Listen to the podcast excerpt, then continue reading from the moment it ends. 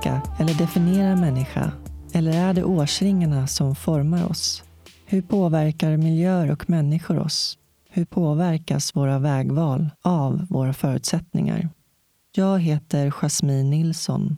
I soluret möter jag människor från alla samhällsskikt och med varje livshistoria belyses olika ämnen. Välkommen till avsnitt 82. Soluret spelas in i Dieselverkstan i Stockholm och görs i samarbete med det internationella hjälpmedelsföretaget Invacare och rullarnas personliga assistans. Idag får ni möta Miranda Ebrahimi. Miranda föddes i Iran och växte upp i en hederskontext där hon som flicka tvingades bära slöja och förhålla sig till strikta regler om hur en flicka bör bete sig. När hon var 13 år överhörde hon en konversation om bortgifte. Och det visade sig gälla Miranda. Hon blev bortgift som 13-åring med en vuxen släkting. Här kommer Miranda. Vad säger du, ska vi köra? Absolut. Varmt välkommen till Soluret, Miranda. Tack så mycket. Tack för att jag fick komma.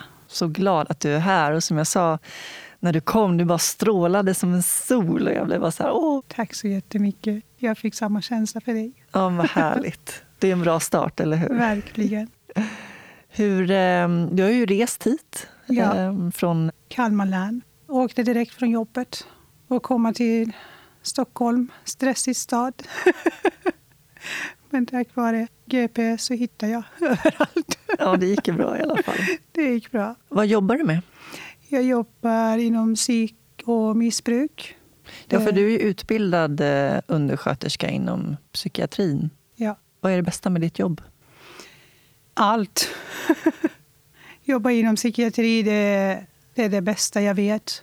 Jag brukar säga att psykisk ohälsa är det allra viktigaste. Får du en vanlig huvudvärk, det påverkar dig psykiskt. Så man ska verkligen se och finnas för den psykiska ohälsan. Det är jätteviktigt. Och med mitt jobb, jag trivs med allt. Att jag finns för dem. Jag har underbara kollegor, chef. Hela jobbet är helt fantastiskt. Jag åker alltid till jobbet med glädje. Jag har ju fått läsa din bok Den ofrivilliga bruden. Alltså jag, som jag skrev till dig, jag var ju helt mållös. Det var så många känslor. Det var, jag blev berörd, eh, ledsen, eh, frustrerad, arg. Det var liksom hela spektrat av känslor.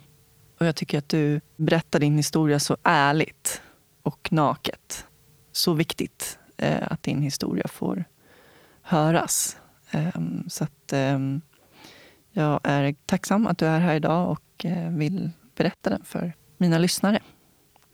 Men jag tänker att vi, vi tar det från början. Mm. Du föddes den 7 januari 1974. Ja, absolut. Jag föddes i Iran.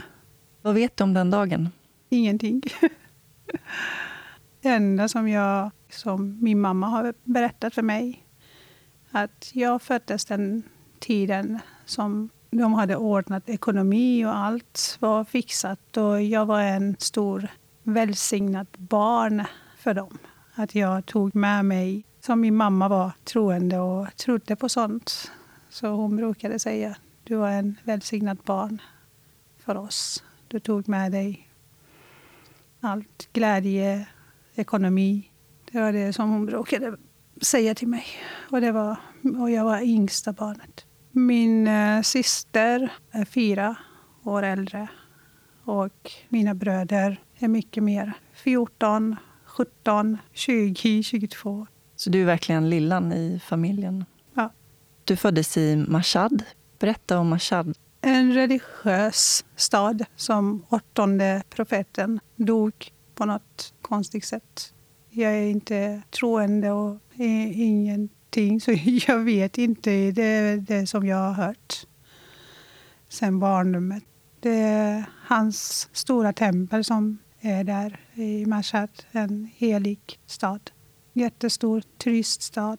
Många som kommer för att besöka det templet som är byggt med guld. Om du åker till Iran och vill besöka en sån plats då kommer du säkert säga wow, vilket ställe, vilken byggnad. Allt är med äkta guld. Men för mig som vet om Iran och ser hur människor lever och är. Och det är helt sjukt att mm. det ska finnas en sån med guld och massa pengar folk kastar in i det templet. För att ja, de ber för någon sjukdom eller någonting och kastar in och de väntar för att deras barn eller de ska bli helade eller något.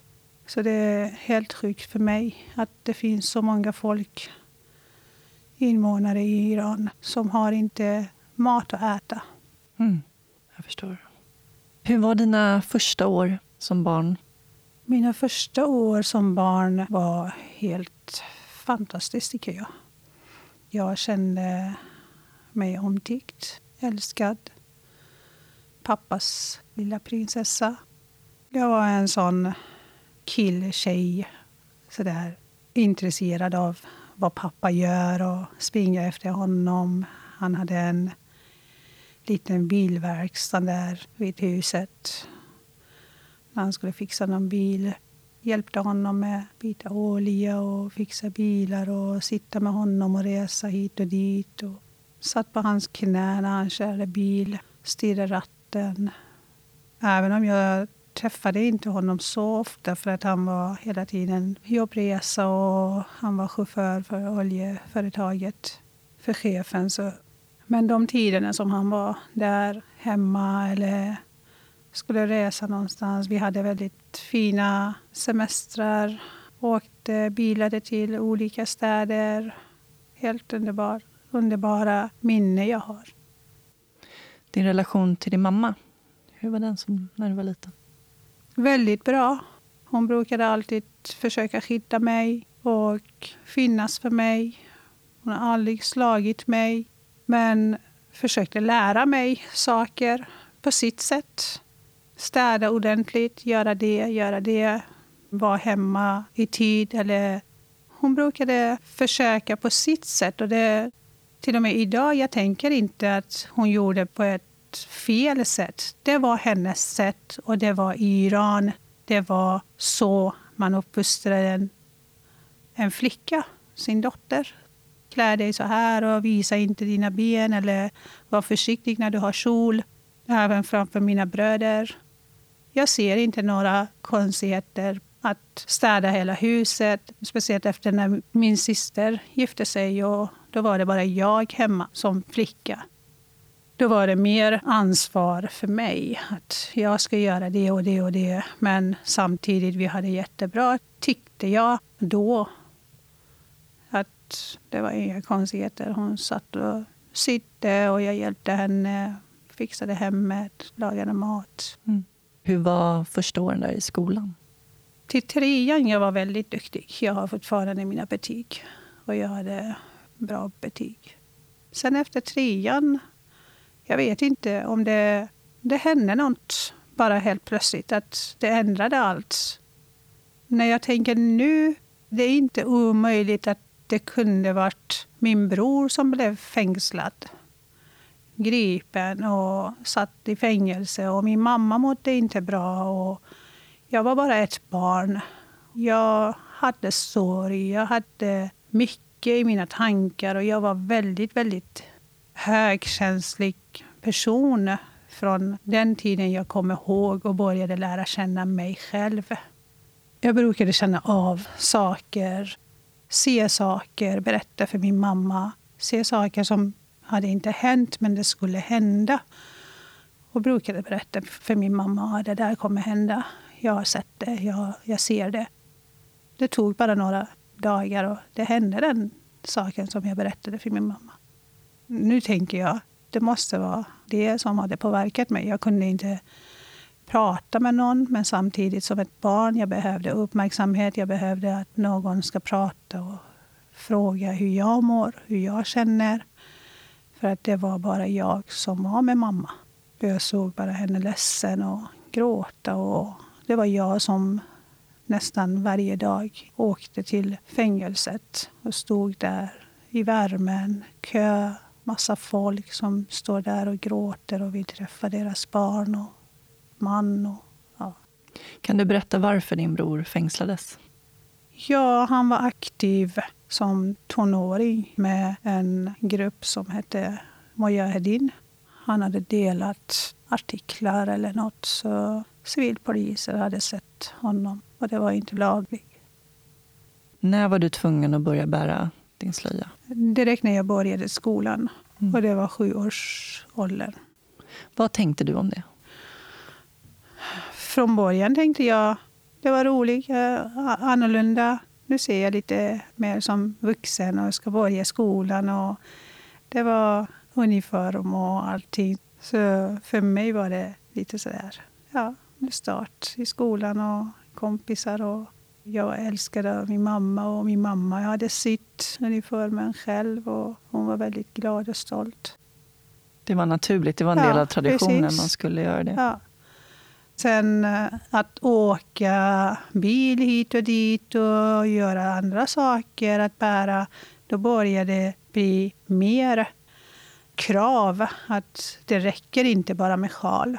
Jag ska ha den långa svarta chadorren också. Och då var det mer krävande, kände jag. Att det är varmt, det är svettigt, det, jag vill inte, jag orkar inte. Jag tänker där när du var 11-12, när du hade slutat femman, så kom du hem med vad de ansåg var dåliga betyg. Ja, då var det avslutning för sommarlovet. Då kommer jag och jag har inte fått godkänt två eller tre geografi eller religion och någonting annat. Ja, matte såklart. och jag hade inte fått eh, godkänt och jag hade chansen att göra det under sommaren. Och då min bror, då sa han, då behöver du inte fortsätta skolan om du ska bete dig så och få så här dåliga betyg. Då får du stanna hemma och laga mat och fixa hemmet. Och. Så det var det som gjorde att jag blev av med skolan och stannade hemma. Min äldsta bror som bodde med sin familj här i Sverige hade skickat inbjudan till mina föräldrar plus jag. Och bara för att jag var i det åldern som jag var, 11-12 år, då blev det inte godkänt att jag kommer till Sverige. Då fick de åka själva, mina föräldrar. Mitt liv blev helt annorlunda. Mm. Vände helt. Jag tänker även innan de åkte iväg så det handlar mycket om heden. Man fick inte ens skratta som, som tjej. Liksom. Man fick inte skratta och visa att man var glad. Och... Ja, jag fick inte... Jag brukar alltid, till och med nu, när jag skrattar så skrattar jag. Då fick jag inte. Eh, en tjej ska inte skratta högt. Att någon ska höra, eller speciellt någon man. Man ska bete sig, man ska vara riktigt fint uppfostrad. Och det är mamman som får skiten. Att hur har du uppfostrat din dotter? Då var jag väldigt försiktig, men samtidigt jag kunde inte hålla mig när jag var glad så alla kunde höra att jag skrattar. Ja, många gånger har jag fått väldigt så här strikta... Du får skärpa dig, annars det blir så här. Men vissa tillfällen som min bror brukade jobba där vid eh, bilverkstaden som vi hade. Och han brukade bara komma helt plötsligt hem till oss och bara dricka vatten eller ta te eller något. Och min mamma var i, hon hade gått till moské och jag var själv hemma och jag hade gjort allting som jag skulle ha gjort. Och, och jag var ensam. Och hur gammal var jag? Bara 10, 11. Då tog jag mina, min mammas klackskor och tog lite läppstift och rullade någon lakan eller jag vet inte, min pappas mjukisbyxor och hade i min famn som att det är min bebis. Jag gick bara runt och pratade med bebisen. Och då kommer min, min bror och ser mig. Då får jag en riktig örfil. Vad håller du på med? Hur ser du ut och vad är du på väg? Eller vem, vem har varit här? Och då fattar jag ingenting vad han menar. Att var har jag varit? Eller vem var här? Vad menar han med det? Då blir jag väldigt ledsen. Sätter mig bara i en hörna i rummet och bara gråter tills min mamma kommer. Och så berättar jag till min mamma. Och så pratar hon med honom. och det är sista gången du höjer din hand mot din syster eller min dotter. Det, alla tjejer kan göra det i den här åldern. Ja, det är du som har uppfostrat henne på det sättet. Du måste ge henne en örfil som mamma. Men speciellt den bror var min mammas favorit. Och då lyssnar han bara på henne när hon säger du får inte slå din syster nästa gång när du ser henne. Hon bara lekte för sig själv. Då har han aldrig mer fått någon skit av honom. Ja, han har höjt rösten eller visat sig arg och så, men aldrig mer. Och den bror som hade varit själv i fängelse i fem år.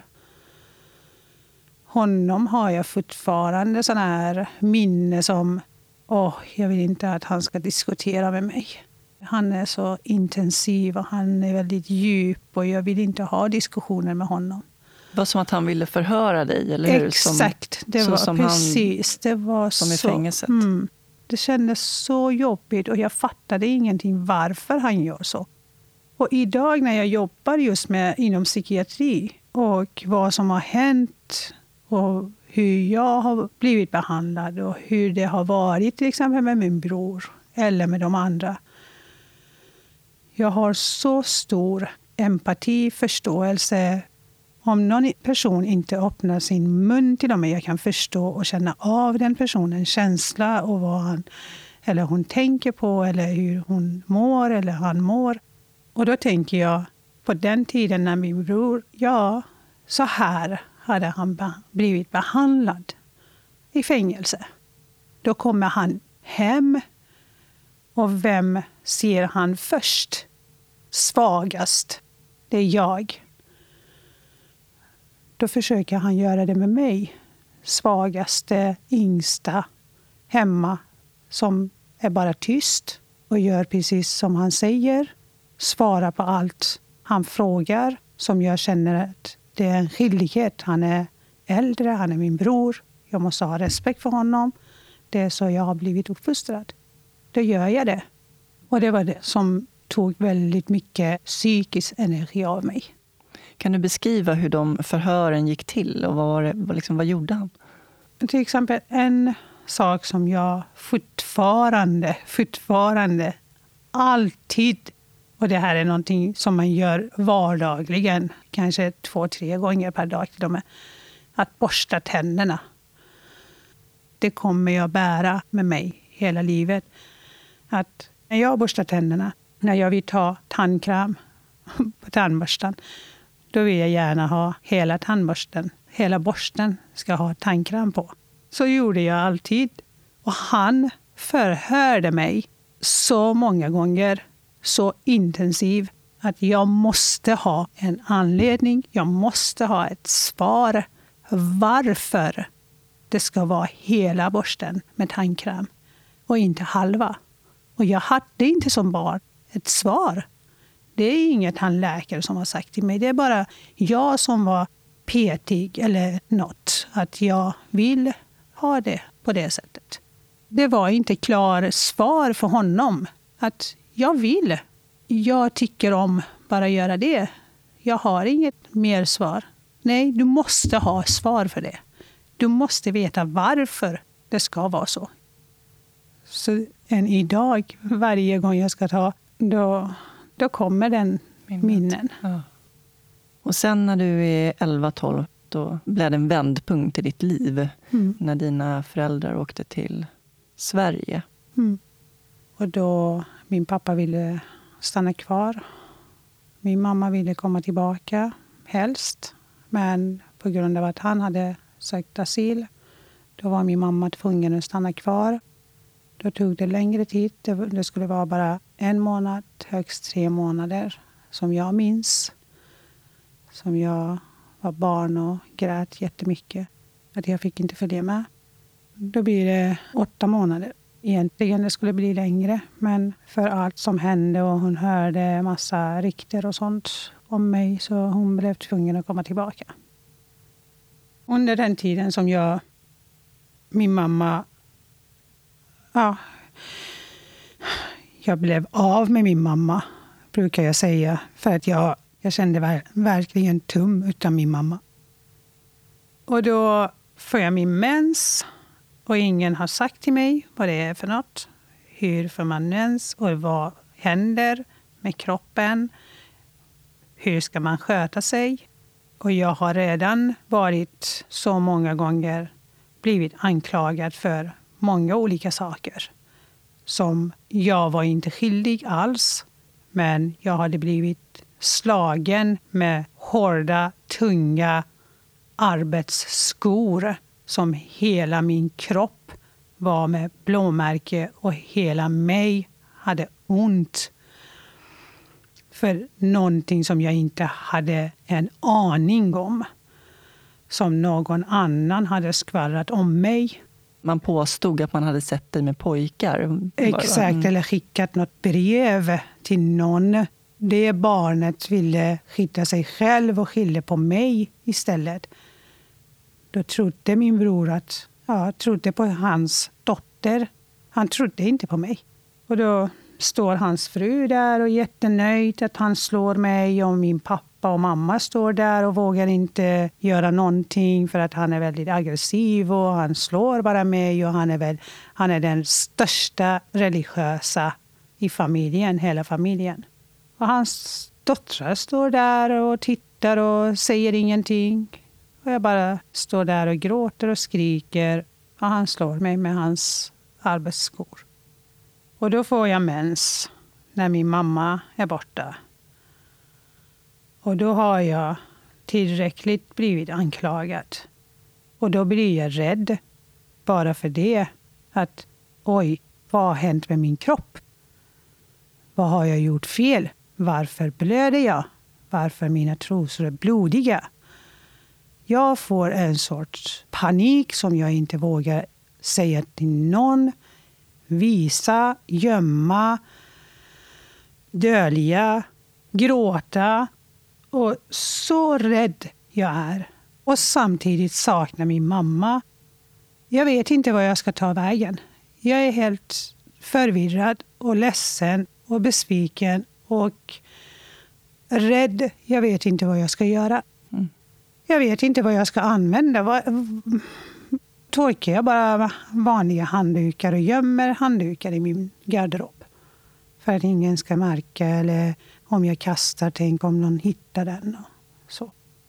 Jag tänkte inte så mycket att någon går och öppnar min garderob och bara ser dem. Jag stoppar bara i en påse och stå, gömmer dem. En dag när jag var hemma hos min syster och passade hennes barn kom jag tillbaka. Jag kunde se direkt att det är något fel. Hon svarar inte ens när jag säger hej. Och då får jag panik. Och det här är inte bra dag. Det kommer hända något. Och det tar inte så lång tid. När jag går in till mitt sovrum så ser jag att det finns inte grejer i min garderob. Jag hade skrivit till och med ett brev till min mamma hur mycket jag saknar och hur jag känner där med dem och hur de behandlade mig. För att jag vågade inte, varje gång vi pratade i telefon, då var de med där. Och jag vågade inte säga någonting till henne och jag hade inte så mycket tid att prata med henne. Hon bara, de brukade säga, ja men det blir dyrt och jag ska prata också, jag ska prata. Så jag vågade inte säga något. De skällde på mig att sluta prata så här med mamma. Du har det så bra här och sluta gråta. Hon blir bara orolig och ledsen. Och så kommer min bror och tar fram en våg. Han vill att jag ska ställa upp på vågen. Ja, kolla hur mycket du har gått upp i vikt sen mamma och pappa har åkt Vi tar hand om dig. Trivs du inte? Du har gått upp i vikt och du äter bra och du gör det. Och, och hans fru står där. Och vad är det som du har skrivit till din mamma? Vad vill du mer att vi ska göra för dig? Och vad är det här äckliga grejer som du har lagt i? Vad har du gjort? Vad, vad är det äckliga som du har i din garderob? Har du fått din mens eller? Och jag, jag tänker, vad är mens? Vad pratar hon om? Jag bara står där och gråter för att jag är rädd att ska han slå mig igen med såna skor. Och jag bara står där som, och skakar och gråter och då blir de mer misstänksam. Vad i helvete har du har gjort? Vad har du gjort att du är så rädd? Du skakar. Vad har du gjort? Svara! Och jag blir bara mer rädd. Jag kan inte. Jag vågar inte. Jag har så ont i magen och så. Ja, men fattar du inte att du har fått din mens? Det är alla tjejer som får. Ja, men vad är det för något? Då har jag en minne, ett minne av min syster som hade fått flera år tillbaka. Och min mamma, jag kom på bara att just det. Den dagen min mamma hade gjort det här, en varm kopp med vatten och sådana här sockerkristaller för min syster för att hon hade ont i magen. Och Jag frågade varför. Och jag kom på att hon berättade någonting. Då tänkte jag, ja, det måste vara det. Och då kände min kropp bara på ett sätt någon avslappning som jag bara exploderade av att börja gråta mer och mer. När jag skulle gå till min syster, då kommer jag hem och då börjar min bror igen frågasätta mig och bråka, aggressiv, slå mig. Vad har du gjort? Var har du varit? Vem är den killen som jag inte vet vad han pratar om igen? Men vad har jag gjort igen? Jag vet inte. Jo, du måste veta vem som följer efter dig. Visslar. Nej, jag vet inte. Jag har inte hört någonting. Men de tror inte på mig. Hur kan du inte ha hört? Hur kan du inte veta? Alla grannar vet. Grönsaksgubben vet. Han har sagt att han har sett dig med den killen bakom dig. Den andra har sagt. Den andra har sagt. Skäms du inte för vår heder? Ska du smutsa ner allt som vi har gjort för dig och bara skita i och göra vad du vill? Och allt han säger och ifrågasätter mig, jag fattar ingenting. Självklart jag hade hört. Jag hade hört grannpojkar när jag vattnar utanför huset. De går förbi och säger någon gulleplutt eller någon min söta docka eller någonting sånt som ungdomar eller killar brukar säga. Flörtra eller så. Så det var en vanlig grej tänkte jag. Men jag har ingenting, jag har inte gjort någonting. Jag vågar inte ens titta bakom mig. Så jag bara raka vägen dit, raka vägen hem. Så jag vågar inte även om jag vill. Jag är i det åldern som jag kan vilja. Jag kan vara lite så här att få lite uppmärksamhet. Jag är den ungdomsålder eller tonårsålder. Det går inte. Det, det är omöjligt i min värld att göra det. Det är bara raka vägen, titta på marken. Om du slår dig någonstans, skit i det. Bara titta på marken. Det är det som jag har lärt mig. Titta på marken dit, titta på marken hem. Då var det den som gjorde att min mamma kom tillbaka. Att han ringer till min mamma att du måste komma tillbaka. Nu är hon på väg att göra all skit för att förstöra allt du har gjort på det sättet du har uppfostrat henne. Du måste komma tillbaka annars du kommer se en smutsig äckeldotter om, du tar, om det tar tid. Då blir hon väldigt rädd och hon frågar inte ens mig vad som har hänt eller så. Du beskriver hur hon, när hon kom, att hon knappt ville titta på dig först och Exakt. höll eh, avstånd Ja. och sådär. Och du förstod ingenting. Vad... Nej, hon Du ville trodde- bara hon, krama hon din bara, mamma. Hon hade känt bara ett stort sorg, irritation, besviken på mig eller hela situationen. För att jag var en livlig tjej. Hon visste hur jag är. Hon visste hur jag skrattar. Hon visste att jag älskar att dansa och bara vara. Och då när min bror berättar, då tänker hon som en mamma. tänker hon, Aha, nu har hon inte mig. Då har hon börjat till exempel skratta eller titta på annan eller svara någon annan kille eller göra någonting. Då har det blivit så som hennes bror berättar. Så länge jag var där hon kunde sköta sig. Men nu är jag inte där. Och då kommer hon tillbaka direkt. Och när jag första gången efter åtta månader möter min mamma. Jag har inte glömt den känslan än. Det var så kall. Det var så... Det är så känslosam att fortfarande prata om just den tiden. Att jag kunde inte känna igen min mamma. Jag som hade saknat henne. Jag som hade så behov bara bara kasta mig i hennes famn när jag bara ser henne. Så kärleksfull mamma. Så snäll ansikte och ögon som jag hade. Den bilden av min mamma. Lukten av min mamma. Jag fick inte. Ingenting. Efter åtta månader jag ser min mamma. En kall kram som du är inte längre min dotter. Du är bara smutsig. Det var fruktansvärt.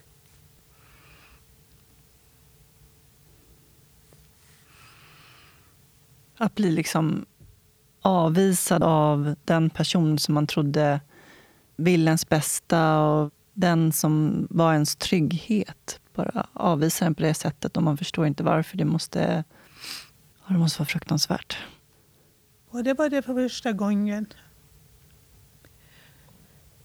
Första gången som jag fick den känslan.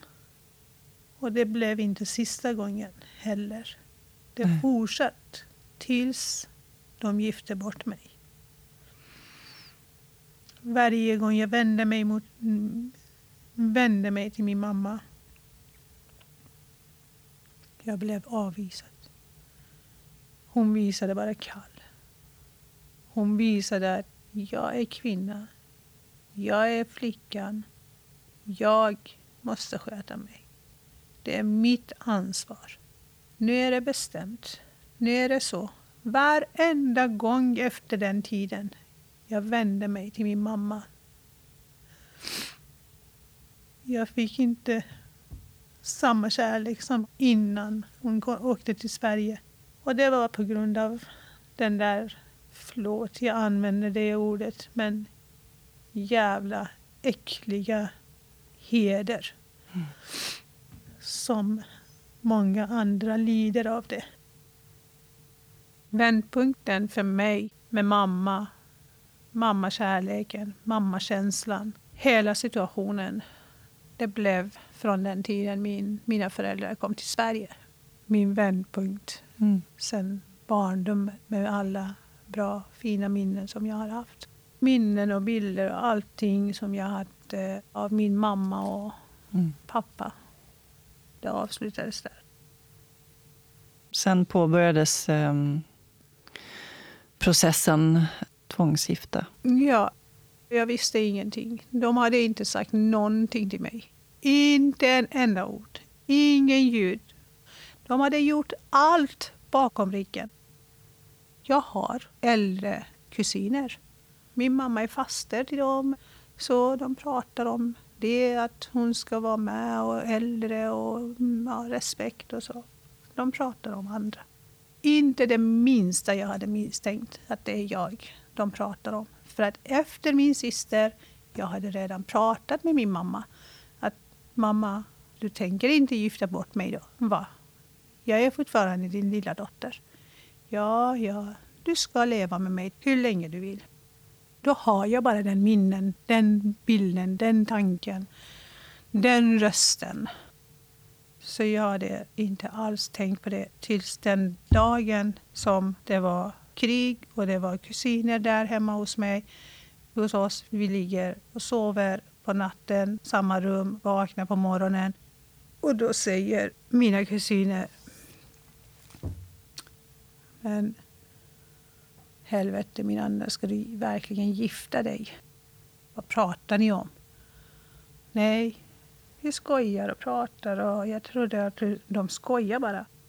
Nej, är du dum i huvudet? På riktigt? Hör du inte? Alla pratar om din, din giftermål. De är på väg snart att komma till er och fria och sånt. Du får spela hur dum som du vill. Det är dig de pratar och de sticker därifrån. Och jag ligger fortfarande där med massa konstiga tankar och olika känslor. Och vad pratar de om? Är det verkligen jag?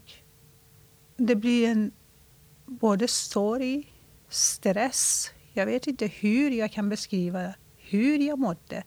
Kände hela, hela rummet var så... Även om det var mitt i sommar, 45 grader varm. Det kände så kall hela mig, som jag frös, bara som eh, is. Hela rummet var is. Och då ligger jag bara där och tänker, är det verkligen sant? Samtidigt med den känslan, med de tankarna hör jag min mamma från andra rummet prata med min pappa. Och alltid när hon pratade med pappa, jag sprang bara för att höra min pappa och prata med honom. Och, men den dagen jag bara låg där och lyssnade, vad pratade hon om? Hon håller på att prata om mig, om kusinen, Ja, min kusin, du känner hon, henne och det är hennes son. Du vet när han var militär, han brukade komma hit och han är en bra kille. Och jag hör dem här och så då väntar jag bara. Och så hör jag direkt mitt namn. Nej, vi, jag har inte sagt någonting. Ingen har sagt någonting till Miranda än. Hon vet ingenting. Jag tänkte bara prata med dig först och se vad du tycker och så.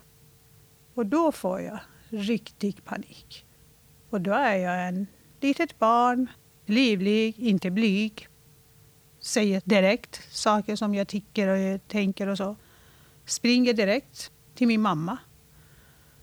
Men irritation, alla möjliga känslor blandad. Mm. Mm. Bara höjer rösten vad har du sagt till pappa? Vad pratar du om? Vad säger du till pappa? Ska du gifta bort mig? Och då säger hon till pappa. Ja, nu kommer Miranda och så, vi får prata sen. Och så lägger hon på och tittar på mig med en sorts irritationssätt. Att nu får du skärpa dig. Vad pratar du om? Höj inte rösten mot mig. Ha respekt. Men var ärlig mot mig, mamma. Ska du gifta bort mig? Vem? Vem är det? Varför? Jag vill inte bli gift. Jag vill inte gifta mig. Och då nekar hon bara. Hon säger inte en enda ord till mig. Hon bara nekar. Hon säger nej, det, det handlar inte om dig. Det är inte dig vi pratar. Jag hörde precis du nämnde mitt namn. Ja, Pappa frågade hur du mår och jag sa hon mår bra. Nej, du sa någonting annat. Nej, nu får du vara tyst och gå härifrån. Det var inte du vi pratade om. Det är inte du. Och då tänker jag igen en sån konstig, dum tanke att nej, min mamma ljuger inte för mig. Jag har mm. alltid litat på henne. Så falskt trösta mig själv och gå därifrån bara. Det var fel jag hörde. Mm. Och de planerar allt och allt är klart.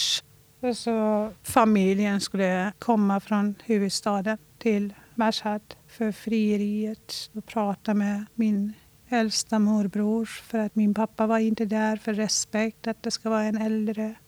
De tar fram en ring, de ska stoppa direkt i min finger.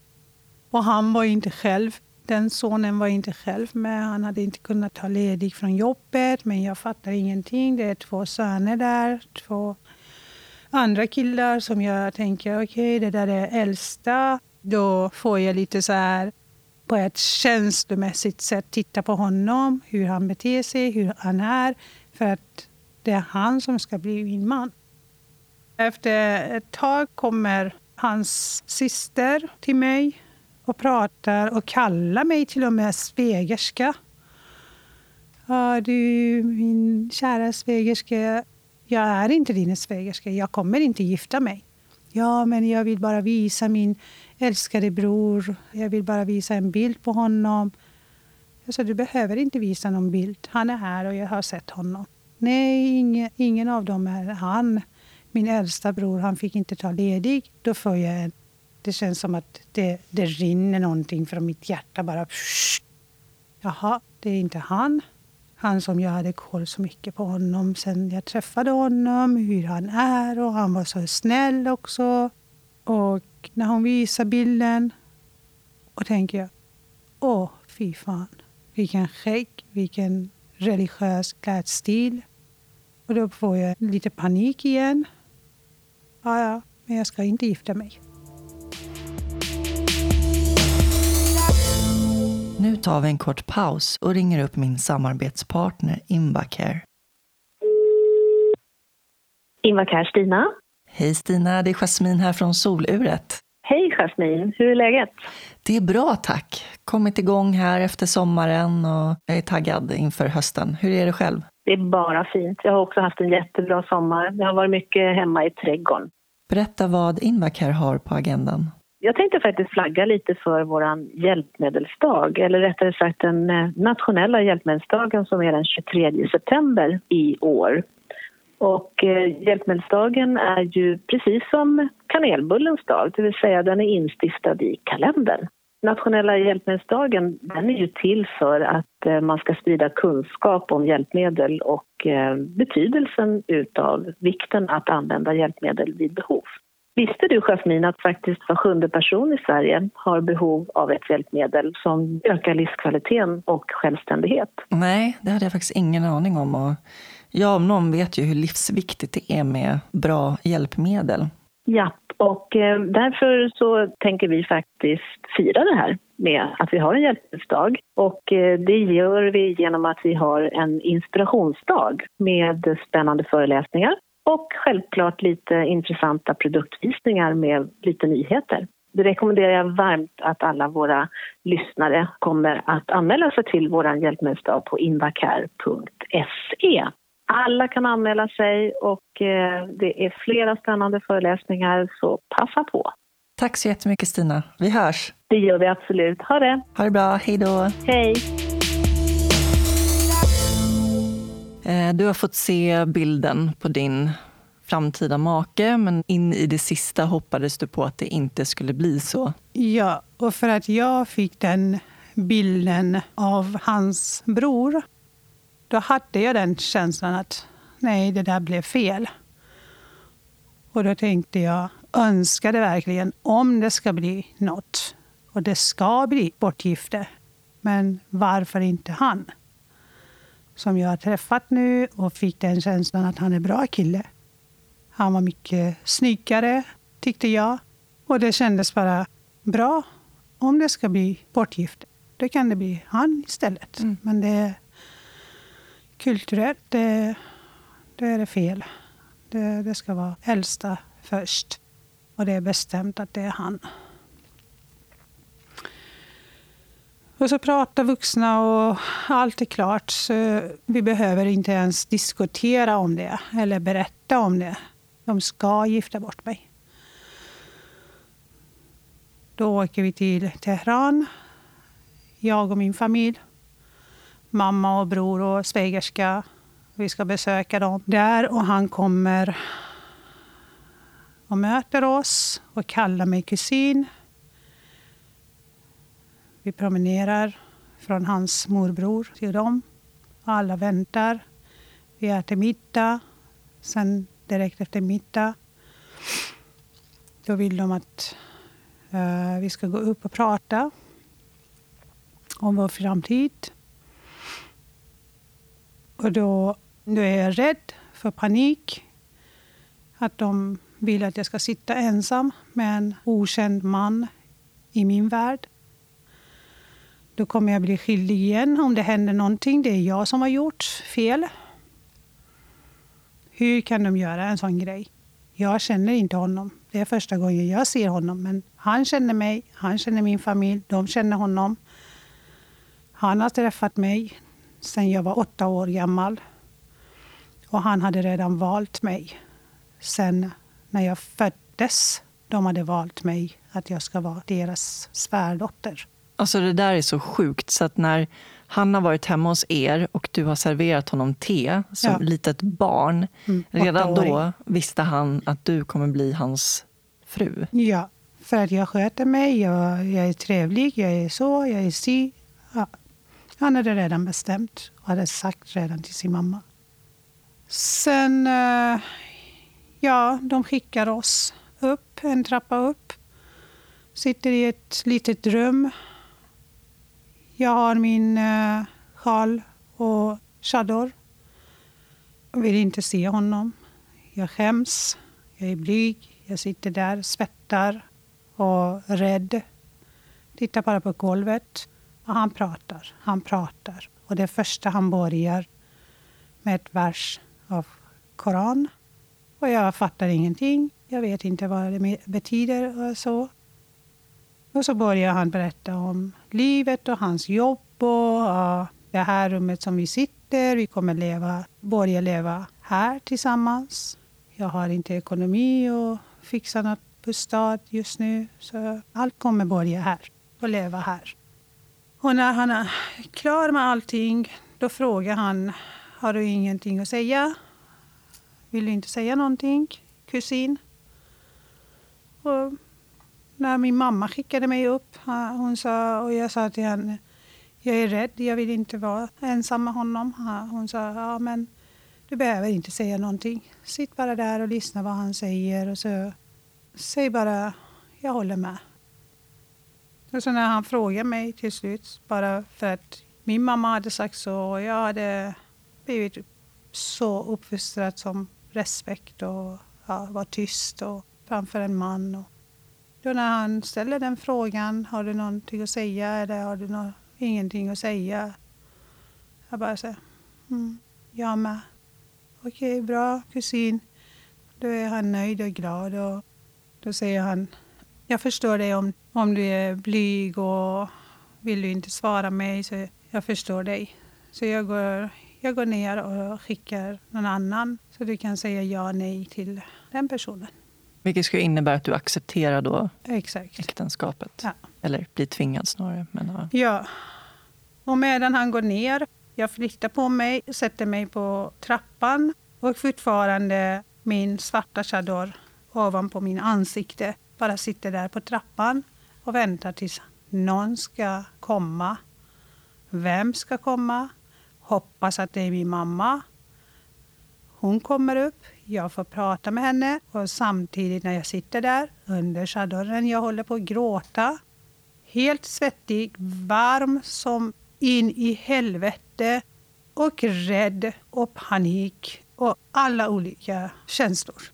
Och så, vem kommer? Samma svägerska som har anklagat mig, som har varit nöjd när hennes man hade slagit mig, som har gjort massa andra skit.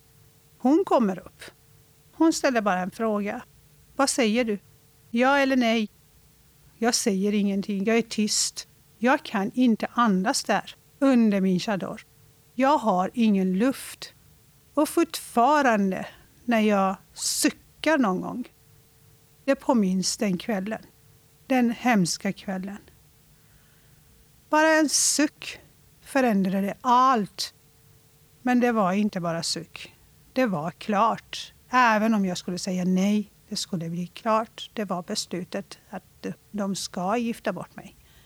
Men det var bara någon traditionellt grej de skulle göra. Att fråga mig ändå. Ja, nej, svaret. Och det blev det bara som var kvav och varm och kunde inte andas. Jag bara gjorde så här. Att hon ska märka, förstå att jag håller på att gråta där. Och jag hörde ingenting mer. Tyst. hörde bara trappan hon går ner. Och så efter bara några sekunder, bara någon sekund, det räckte bara. Hon gick ner och så alla bara, jag hörde alla klappa händerna och så kommer upp och den pussar mig. Jag ser ingen annan och ingen ser hur jag mår, hur jag ser ut där inne under min chador. Jag sitter och gråter, ingen ser mina tårar, ingen frågar hur jag mår, ingen hör mig, ingen ser mig. Någon pussar på min panna, den säger grattis. Ja, det var liv. Men inte inom mig. Det var bara ett helvete. Det var bara att bara dö. Bara försvinna härifrån. Och då var det klart. Allt var klart. Jag var gift. Jag var fru till en man. Hans ägodel. Mm. Och inget mer. Ingen kärlek, ingen respekt, ingenting. Det är det stora som jag brukar alltid säga. Det ska vara respekt och kärlek. Det fanns inte i mitt liv. Inte en enda sekund. Jag var den yngsta. Jag behöver inte respekt. De kan behandla mig som de vill. Sen jag var en kvinna, en fru, ägodel. Mm. Det är ingen respekt för. Det är bara en fitta. Hela hennes kropp kan bara användas. Och så andra kroppsdelar kan hon använda för att laga mat, ta hand om barn, ta hand om huset. Du visste ju ingenting om eh, samlevnad och sex. Och ingenting Du trodde ju bara alls. genom att han pussade dig så kunde du bli gravid. För Ja. Du hade ju inte fått lära dig någonting om det. Ingenting. Är jag tillräckligt mogen för att ni gifte bort mig? Varför berättar ni inte om sexlivet? Varför har ni inte sagt någonting till mig? För att jag är barn. För att det är inte tillåtet att berätta för en mindreårig tjej. Du ska inte veta. Men är jag barn, varför ska jag gifta mig då? För att jag har den kroppen som en man behöver ha. Det var bara det. Jag fattar fortfarande inte ett dugg av det här. Jag nästan hatar när någon säger till mig ja, det är din kultur. När jag pratar om någonting som jag tycker det är fint. Till exempel, jag har en personlighet som jag kan inte ha sex med vem som helst. Sex kommer med känslor för mig. Vill jag ha sex med någon, jag måste få någon känsla av den personen. Ha respekt för att han är en man. Skratta inte högt eller dansa inte framför. Nej, du ska känna dig fri. Du ska leva fri. Och kulturen, traditionen har ändrat och straffat mig så mycket i livet. Du kom till Sverige 87. Du är 13 år gammal. Du sitter där med Migrationsverket och socialtjänsten. Din man som är 23 år gammal. Och De frågar inte dig någonting i princip. Alltså de snarare nedvärderar dig. Exakt. Vill du inte leka med docka? Eller se bilder? Vad gullig, vad söt, vad fin du är. Men gör någonting åt saken. Jag vet att jag är gullig. Jag vet att jag är söt. Jag har suttit flera timmar och lidit av att de håller på att sminka mig. Fläta mitt tjocka, långa hår. Jag har verkligen slitit och lidit av de, de timmarna. Och det här är inte någonting gulligt för mig. Jag har lidit av varenda bild som ni sitter och tittar och tycker att det är gullig. För de ville ha bevis på att, eh, Ja. att ni var gifta. Ja, Ni och hade- det är gulligt bevis. Det är söt bevis. Det är vacker bevis. Men vill du inte leka med docka? Jo, det vill jag. Jag vill leka med docka. Kan du ge mig en docka och ta bort min man? Men Det var han som svarade för dig hela tiden. Absolut. Nej, hon vill inte leka med docka.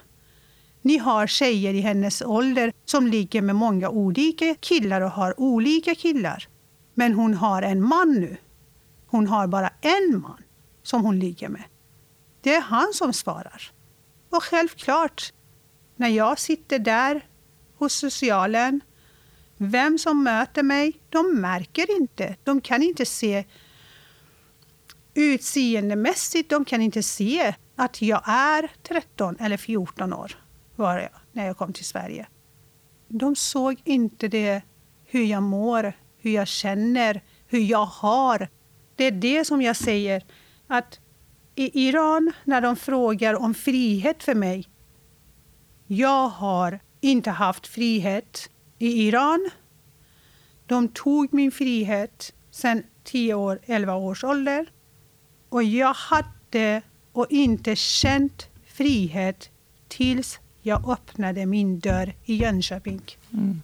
med mina egna nycklar. Det är en lång resa dit också, ska vi säga. Ja. Ni flydde ju. Det var verkligen då helvetet började, eh, när han förgrep sig på dig första gången. Ja, och första gången när han kysste mig, då tror jag att jag, jag blev gravid. Jag blir så ledsen, så arg, så rädd. För att det var det första min mamma hade sagt till mig.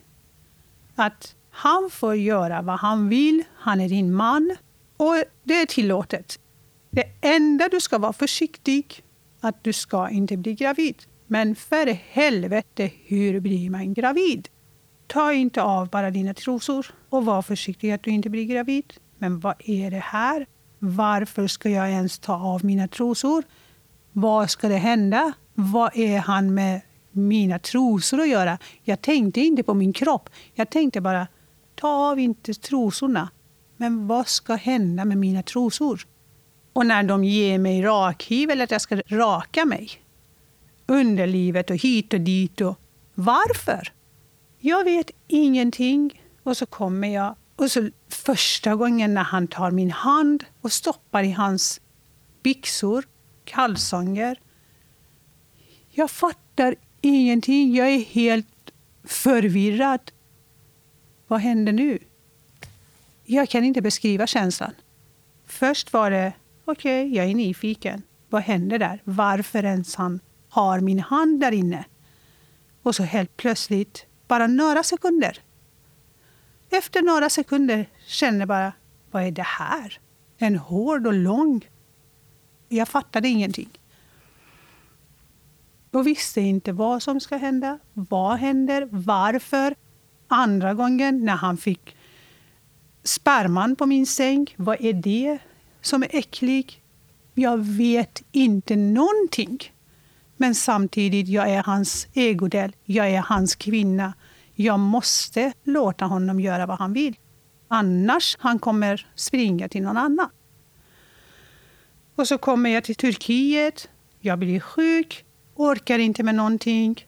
Han går och klagar. Han kan inte lägga handen på min knä. Han kan inte göra någonting. Jag orkade inte. Jag var helt orkeslös. Jag orkade inte ens sitta, göra någonting, prata. Helt slut. Och så min svägerska kommer. Du vet att han är din man. Du måste låta, även om du är sjuk, du måste låta honom göra vad han vill eller smeka dig eller röra på sin kvinna på något sätt. Ja, då är jag enskildig. Ja, tack. Då ska jag låta honom göra vad han vill. Även om jag, jag är döende. Jag trodde jag är fortfarande oskuld när jag kom till Sverige. Jag visste inte vad som hade hänt med min kropp för att det var så många som hade skrämt mig på olika sätt. Att ja, första gången det gör så ont och det blir så här och det blir så här. Och, och man ska spara vita duken. Och, och så kommer den natten som det är vår tur att sova i det sovrummet som vi delade i Turkiet. Han ligger bara där och så bara försöker. Då känner jag bara så fruktansvärt ont. Men jag fattar fortfarande inte vad som har hänt med min kropp. Och jag hör en klick bara som händer i, i kroppen.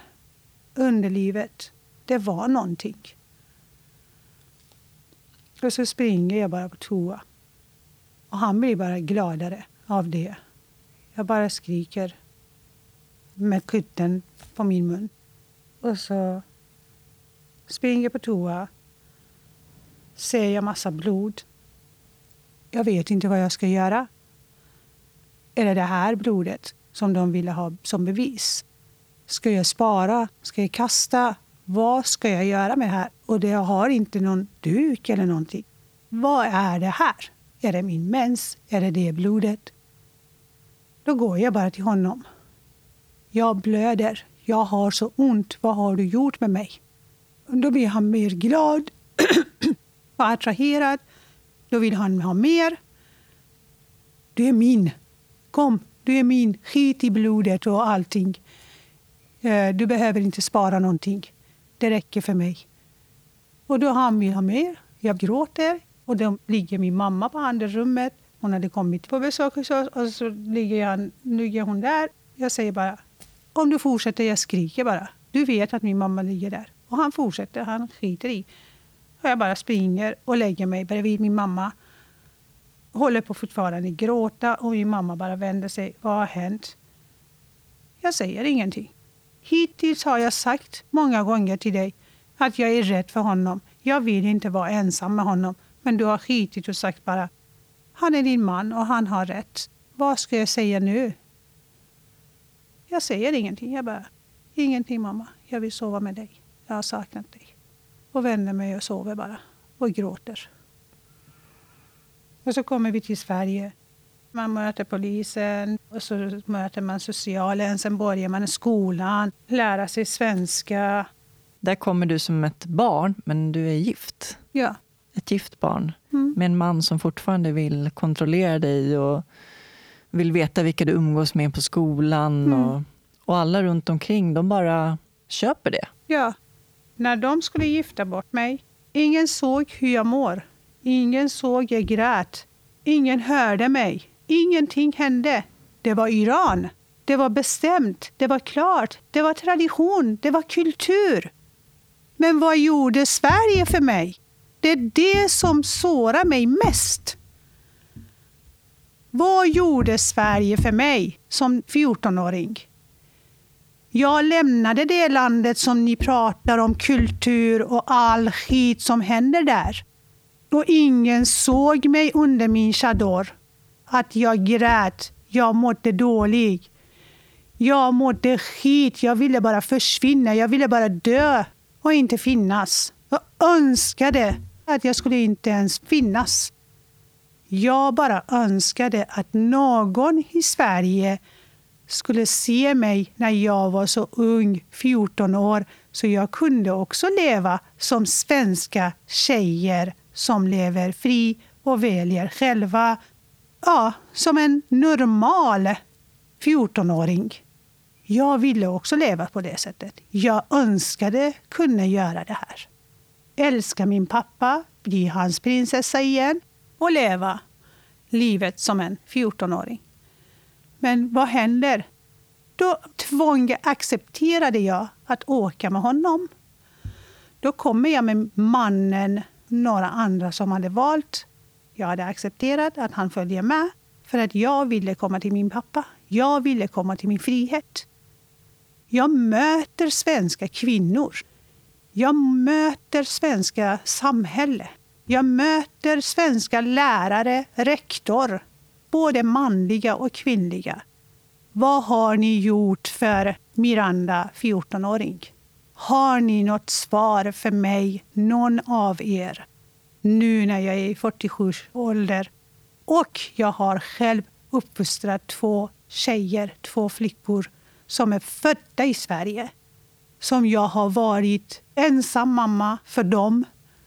Och jag har alltid försökt finnas för dem och vara när det behövdes. Jag har alltid försökt att vara den tigermamma för mina barn.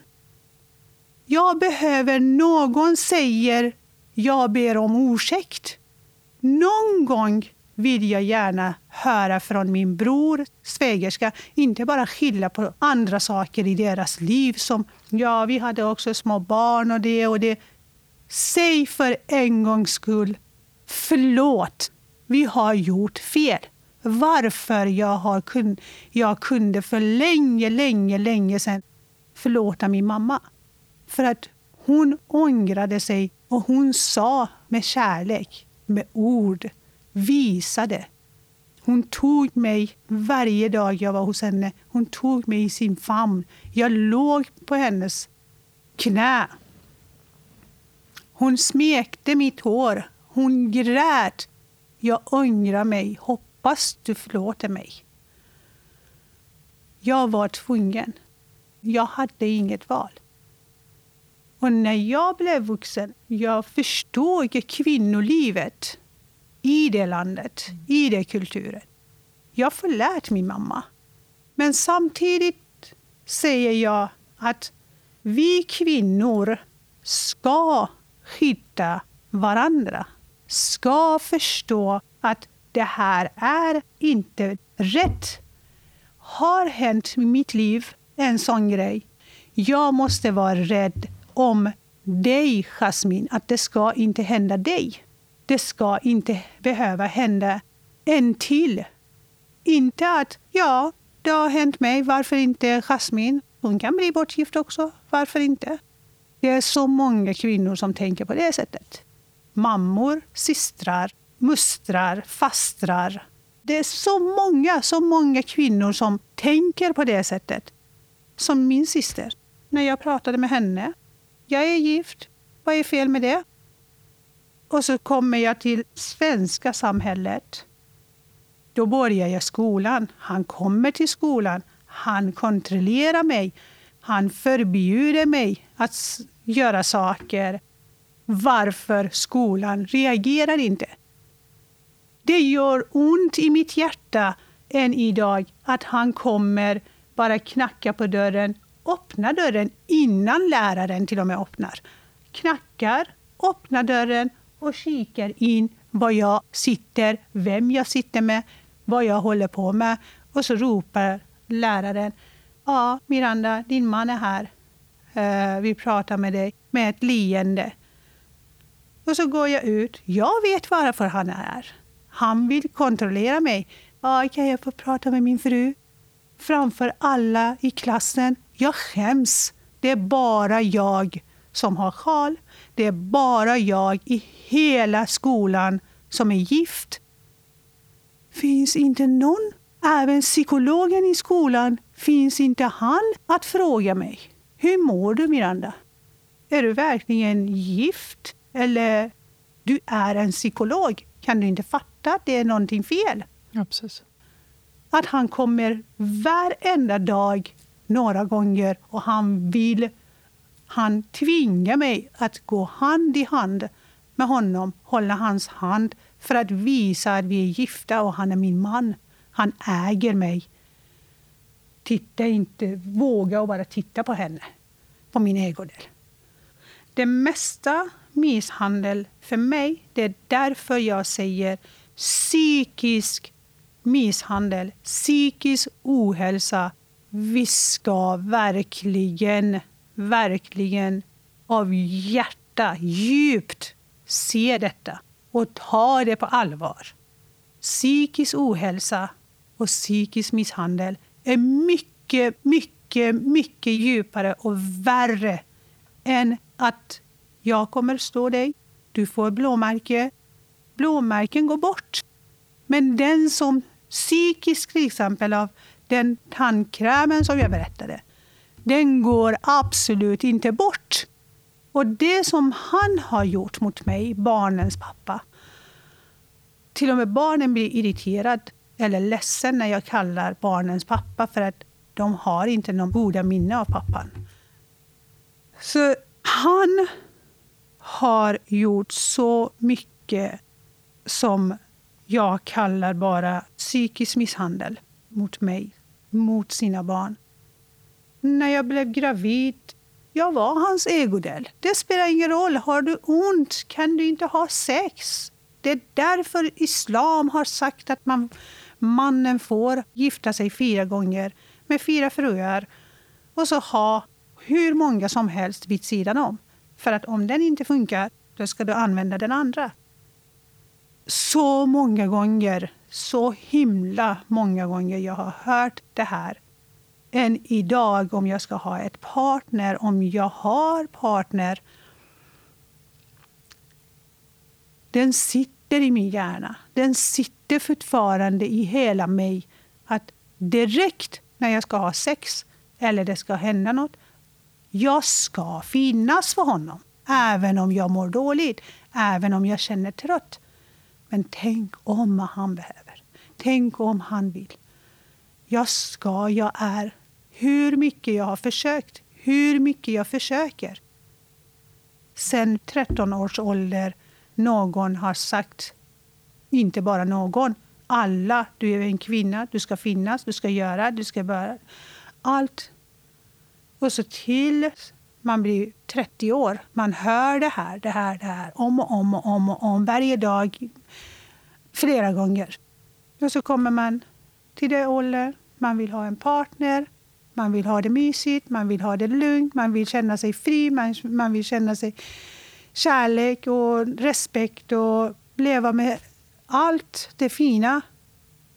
Men det finns någonstans i hjärnan, även om han är den bästa mannen och han säger, han vill verkligen att jag säger till. Men det någonstans sitter det här. Mm. Att du är en kvinna ändå. 2006, ja. då tog du modet till dig. Absolut. Det, vi ska säga det att det är en väldigt lång resa däremellan också. Det händer mycket saker. Men jag tänker då får man läsa din bok så får man ja. veta mer kring det. Men du tog till slut mod till dig och sa att nu vill jag skiljas. Du fick hjälp. Du fick mm. nyckel till en lägenhet i mm. Jönköping mm. och stack. Ja. Och det här, det processen, jag är så glad och överraskad själv. Så stolt över mig själv. Det modet. Det var vändpunkten där du, du sa, när vi pratade om 11 års ålder. Det var tidpunkten där nu är det slut med det livet, mm. barndom. Men då var det den dagen som jag kommer hem från jobbet och ser min dotter, hör min dotter, går in till honom eller henne, frågar vad som har hänt. Hon berättar om den händelsen som pappan hade kastat ut. Han hade sett henne, hon är 13 år. Han hade kastat ut henne från bilen, E4, för att hon kunde inte vara tyst. När pappan frågar varför måste du krama en kille? Hon är född här. Hon är van att krama och ha killkompisar. Men pappan är inte van. Jag har alltid varit tyst och har haft respekt och inte käftat emot. Var tyst bara. Men hans dotter nu, hon är 13. Hon vill säga det rätta, att det är rätt. Vad är fel med det? Varför säger du så? Då är han inte van. Hon är respektlös mot pappan. Då är det självklart han blir arg och han har rätt. Bara ut med dig. Öppna dörren och kasta ut henne. Bara ut med dig. Jag har inte dotter som du. Det slutar inte där. Hon kommer hem, han öppnar dörren, kommer in till hennes rum, sparkar och slår henne fortfarande. Och när jag kommer hem, hon gråter och säger till mig, mamma, om du har fortfarande tålamod, för att hon hade sett många gånger hur han är med mig och allt. Om du har fortfarande tålamod. Jag har inte din tålamod. Jag kommer rimma hemifrån. Bara det ordet av min egen älskade dotter, mitt liv. Mm. Det blir min vändpunkt där. Mm. Nu ska jag lämna honom på grund av att de behöver inte ha en sån pappa. De behöver ha frihet. De ska och måste känna friheten. De måste känna smaken av friheten. Som jag inte har gjort. Jag kände någon sorts styrka så jag kan inte beskriva den känslan. Inom en vecka allting var färdigt. Mm. bara dagen efter. Jag sa, jag bara kramade henne. För att det kom någonting som ändrade hela, hela mig inombords.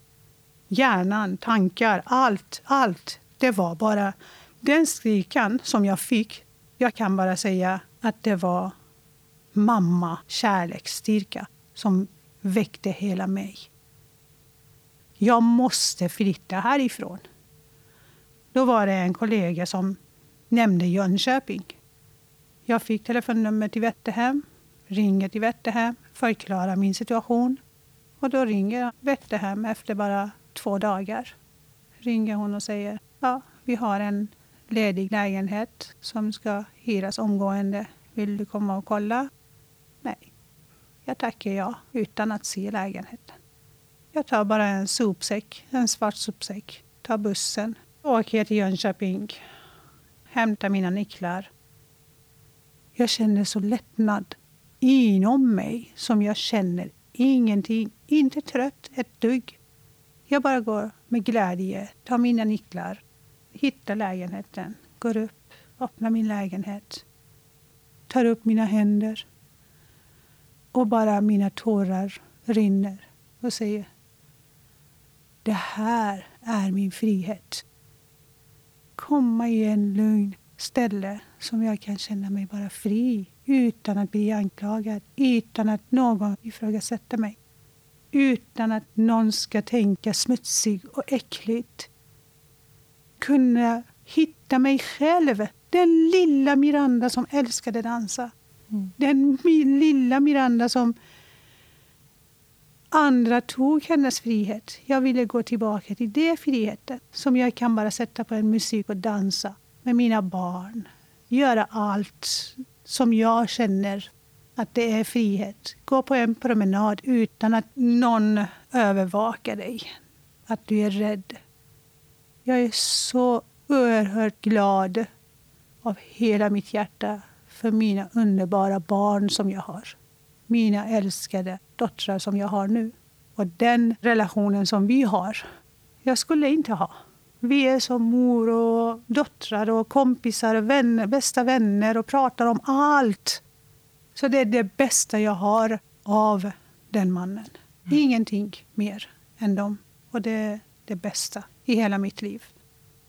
Och Vad innebär det för dig att vara människa? Svaret är väldigt, för mig är väldigt kortfattat. Att människa var empatisk och ha ett hjärta som jag är idag, mm. som jag har varit. Men andra hade tagit den personligheten ifrån mig. Tror du på ett liv efter detta? Ja. Jag har alltid trott och känt av min mammas närvaro. Och det har jag sagt alltid till mina barn också. Jag kommer alltid finnas för er. Även om min kropp inte kommer finnas mm. längre. På så sätt. Kärlek, sätt. När känner du dig sårbar? När någon inte kan förstå mina känslor. Mina känslor är väldigt viktiga för mig. Jag är en väldigt högkänslig människa. Och andras känslor är oerhört viktiga för mig också. Pratar jag om känslor och in, den andra personen fattar ingenting, då är det som att prata med väggen. Vad drömmer du om?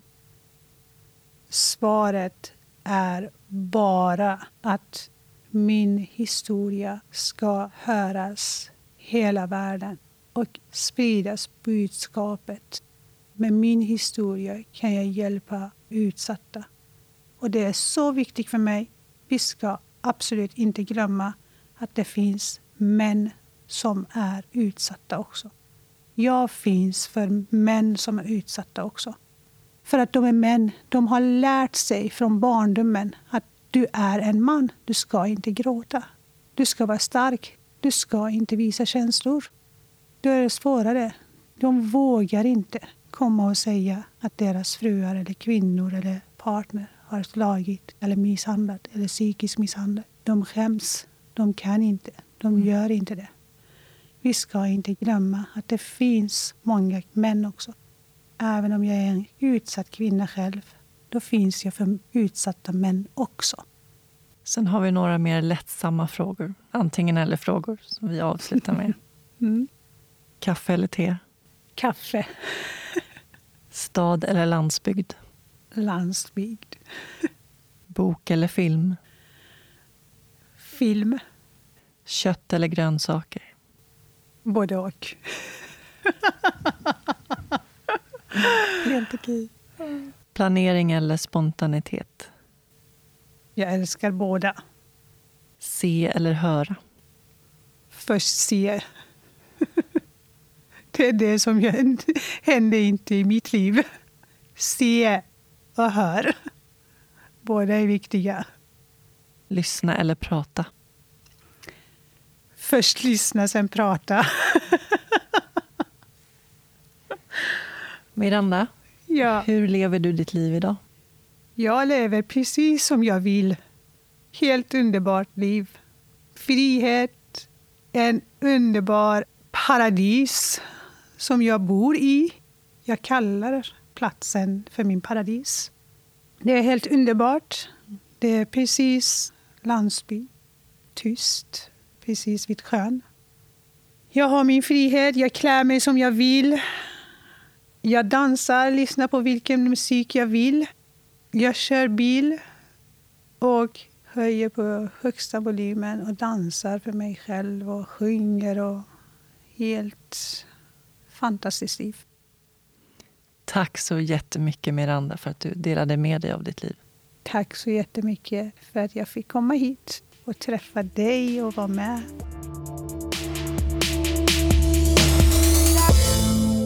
Jag rekommenderar varmt att läsa Mirandas självbiografi Den ofrivilliga bruden. Där får ni veta allt i detalj om hur hennes resa har varit. Ni kan även följa Miranda på Facebook på sidan Ofrivilliga bruden. Tack till min huvudsamarbetspartner Invacare. För mer information om Invacare och deras produkter kan ni gå in på invacare.se. Och tack till min samarbetspartner Rullarnas personliga assistans. Rullarnas vision är att man ska kunna leva ett så oberoende liv som möjligt, trots sin funktionsnedsättning. Mer information finns på rullarnas.se och ni kan följa dem på Instagram. Jag har själv Rullarnas som assistansanordnare och kan rekommendera dem varmt. Ni kan även höra deras VD, Marcus Jardler, berätta om sin livshistoria i soluret. I nästa avsnitt får ni möta Kristoffer Fernis. Kristoffer var en lovande längdskidåkare i juniorlandslaget när livet tog en brutal vändning efter en bilolycka. Idag är han ståuppkomiker och har bland annat medverkat i SVTs program Släng dig i brunnen och vunnit tävlingen Grand Comedy Slam i Lund. Tack så mycket för att ni lyssnade och ta hand om varandra där ute. Puss och kram, hej då!